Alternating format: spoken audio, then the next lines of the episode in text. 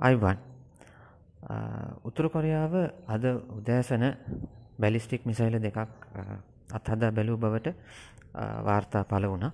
මේ ගැන විශේෂම ජපන් අගමැතිවරයා උදෑසනම ප්‍රකාශයක් කරලා තිබුණ. ඔහු විසින් ප්‍රකාශ කරලා තිබුණේ මෙය එක්සත් ජාතින්ගේ යෝජනා වලට පටහැනි ක්‍රියාවක් බවට. ඒවගේ මෙහිම ප්‍රකාශ කරලා යොෂෙහි දේසුග ජපන් අගමැතිවරයා ජපන් ආරක්ෂක කවුන්සිලේ රැස්වීමක් ඇඳෙව්ව ඒ වගේම දකුණු ඇමරිකා දකුණු කොරියාවේ ආරක්ෂක කවුන්සිලයත් රැස් වෙන බවට වාර්තාවක් පළ වුණා. දැන් මේ කාරණේ සිද්ධ වෙන්නේ උතුරු කොරියාව සාමාන්‍යයෙන් තර්ජන ගර්ජන කරන්නේ යම්කිසි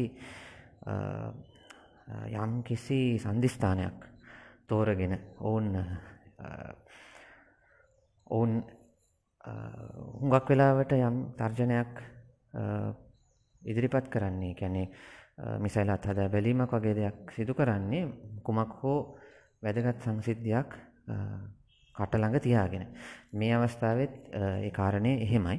මොකද මීට දවස් දවසකට නැත්තන් දෙකට කලින් අපිට මාධ්‍යවස්සේ වාර්තා වුණ අමරිකා එක්ස ජනපදයේ ජෝබයිඩන් පාලනය උතුරු කොරියාව පිළිබඳ ප්‍රතිපත්ති සමාලෝචනයක යෙදෙනවා කියලා ඒ ප්‍රතිපත්ති සමාලෝචනය අවසාන වේගෙන එනවා කියලා ඒ වගේම තවත් දවස් කිහිපයකින් අමරිකාවේ සංචාරය කරන්න නියමිත වෙලා තිබිච්ච ජපානයේ සහ දකුණු කොරියාවේ ජාතික ආරක්ෂක උපදේශකවරුන් සමඟ මේ පිළිබඳව සාකච්ඡා කරන්න සූදානමක් තිබුණ කියලා වාර්තාවක් පළ වුණා.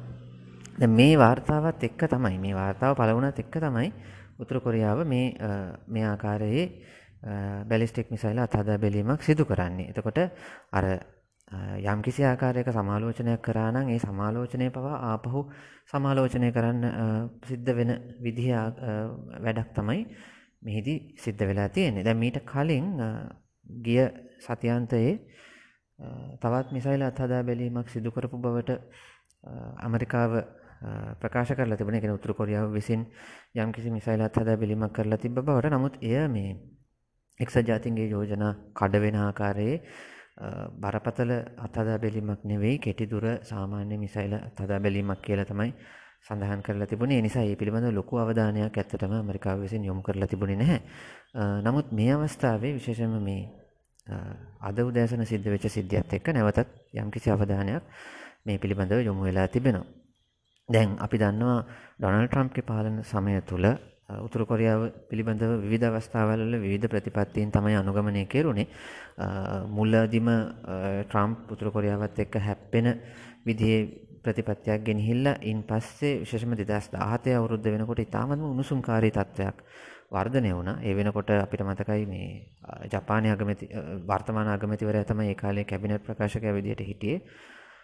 ඉතින් ඔය කාලේ මේ ඔවුන් න්‍යෂ්ටික අත්හදබැලීමක් එහෙමත් සිද්ධ කරා 2017 සැප්තැම්බර් 3 වෙනිදා.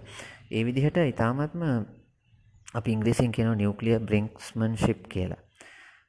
කට ළඟටම මේ අර්බුදය ගෙනියන්න උතුරු කොරියාව කටයුතු කරා.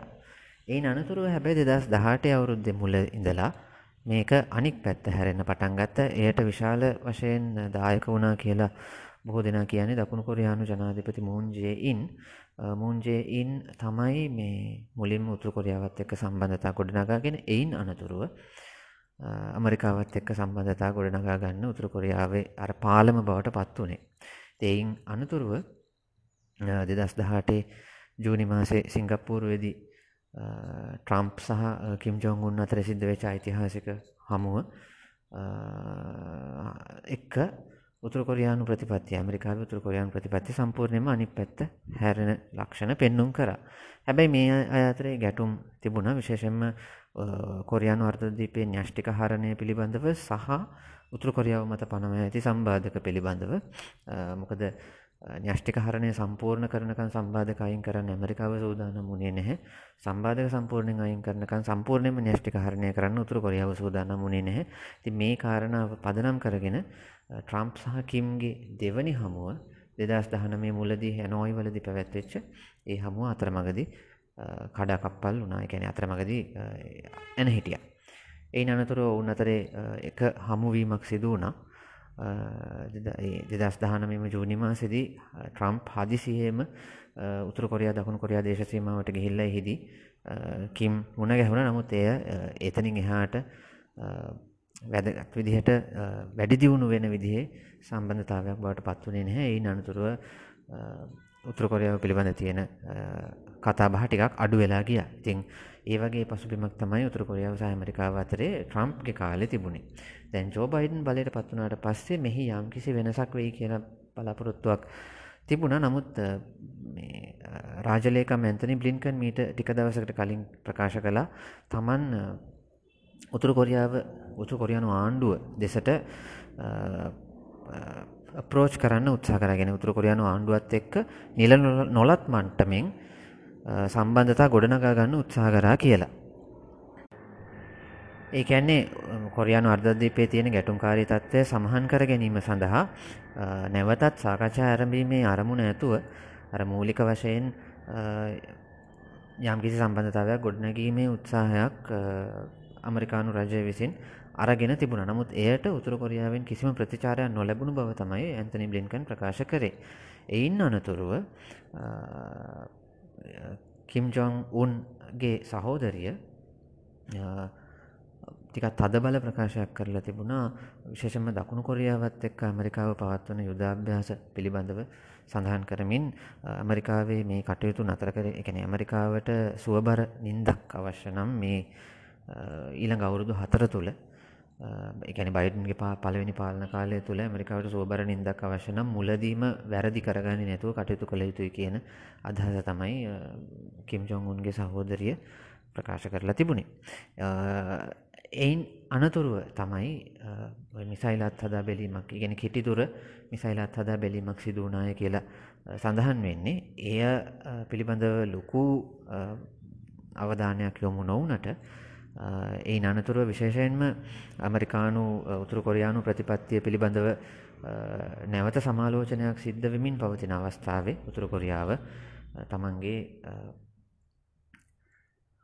බැලිස්ටික් මිසයිලත් හදා බැලීමකට නැවතත් ගිහිල්ලා තියෙනවා. මේ ඇත්තටම උතුරු කොරියාව පණිවිඩයක් දෙන්නේ තමන් තමන්ට යම්කිසි ශක්තියක් තියෙනවා කියන එක. ඉතින් දැන් අපි හැම වෙලාවෙම මතක් කරන්න ඕන දෙයක් තමයි දැන් උතුරු කොරියාවට ඇමරිකාවත් එක්ක හෝ ඇමරිකාව සහ ඒ අනිකුත් රටවල් එක්ක යුද්ධයකට ගියොත් උතුරු කොරියාවට ජයග්‍රහණය කිරීමේ හැකියාවක් කොහොමටවත් පවතින්නේ නැහැ. ඒ නිසා ඒ කියන්නේ නමුත් යම් කිසි ආකාරයකින් යුද්ධයක් ඇති වුණොත් ලොකු විනාශයක් ඇති වෙන්න පුළුවන්. ඒ බව උතුරු කොරියාවත් දන්නවා.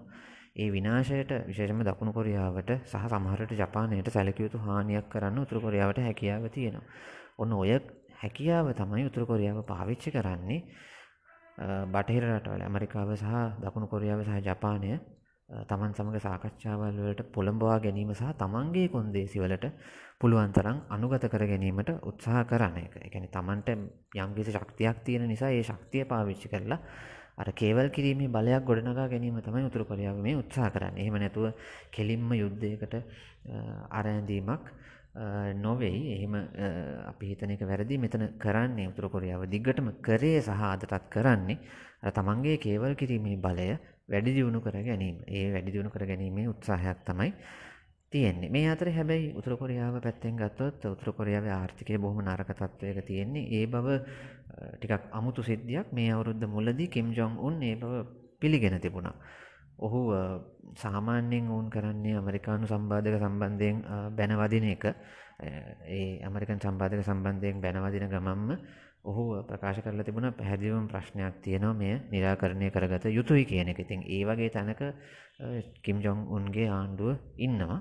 ඉතින් ඒ නිසා ආර්ථික ප්‍රතිසංස්කරණ ක්‍රියාත්මක කිරීමේ යම්කිසි හෝ ඕනකමක් කිම් ජොන් උන්ගේ ආණ්ඩුවට යම් ප්‍රමාණයකට හෝ තියෙනවා කියලා අපිට උපකල්පනය කරන්න පුළුවනි මේ එන සංඥා අනුව.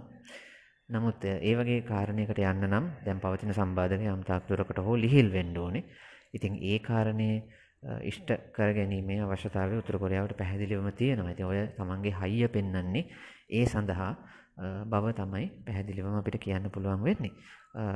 ඊළඟ දවස් කිහිපය ඇතුළත කුමනාකාරය දෙයක් සිද්ධ වෙයිද කියලා බලන්න වෙනවා. මොකද දැන් අර ඇමරිකාවේ ප්‍රතිපත්ති සමාලෝචනයත් ආය සමාලෝචනය කරන්න වෙන්න බොහෝ දුරට ඉඩ තියෙනවා.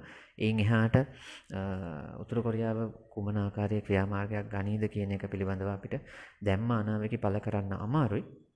දැන් මේ ළඟදී උතුරු කොරියාව මැලේසියාවත් එක්ක තිබ්බ තානාපති සම්බන්ධතා බිඳ හෙළුවා මොකද උතුරු කොරියානු පුරවැසියෙක්ව ඇමරිකාවට උදර්පණය කිරීමේ සිද්ධියක් පදනම් කරගෙන. ඉතින් උතුරු කොරියාවත් එක්ක රාජතාන්ත්‍රික සම්බන්ධතා තියෙන රටවල් හුඟක් නැහැ.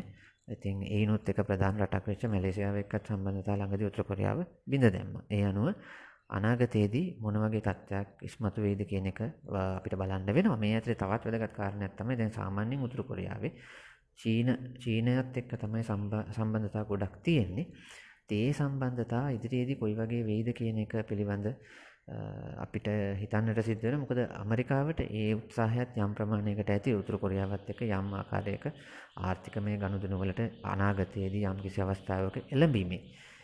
ඉතින් ඒ ඒකත් ඇමරිකාවේ ප්‍රතිපත්තිවල ඔවුන්ගේ හිත යට අනිවාර්යයෙන්ම තියෙන සාධකයක් බවට පත් වෙලා ඇති කියලා අපිට විශ්වාස කරන්න පුළුවනි. මොකද මේ විශේෂයෙන්ම චීනයට විරුද්ධව දැන් ඇමරිකාව ප්‍රමුඛ රටවල් කිහිපයක් විසින් ගොඩනගාගෙන යන වෙනමම විශේෂම කොඩ් එක හරහා සහ වෙනත් ක්‍රියාමාර්ග මගින් කරගෙන යන කටයුතුත් එක්ක. ඉතින් මේ සම්පූර්ණ ක්‍රියාදාමයම අපි බලාගෙන ඉමු ඉදිරියේදී කොයි වගේ වෙයිද කියලා. ළඟදිම තව දවස් දෙක තුනක් ඇතුළත අපිට මං හිතන්නේ ආපහු මේ ගැන සාකච්ඡා කරන්න පුළුවන් වෙයි. එහෙනම් අදට එපමණයි. නැවත හමු වෙනකම් හැමෝටම ජය වේවා.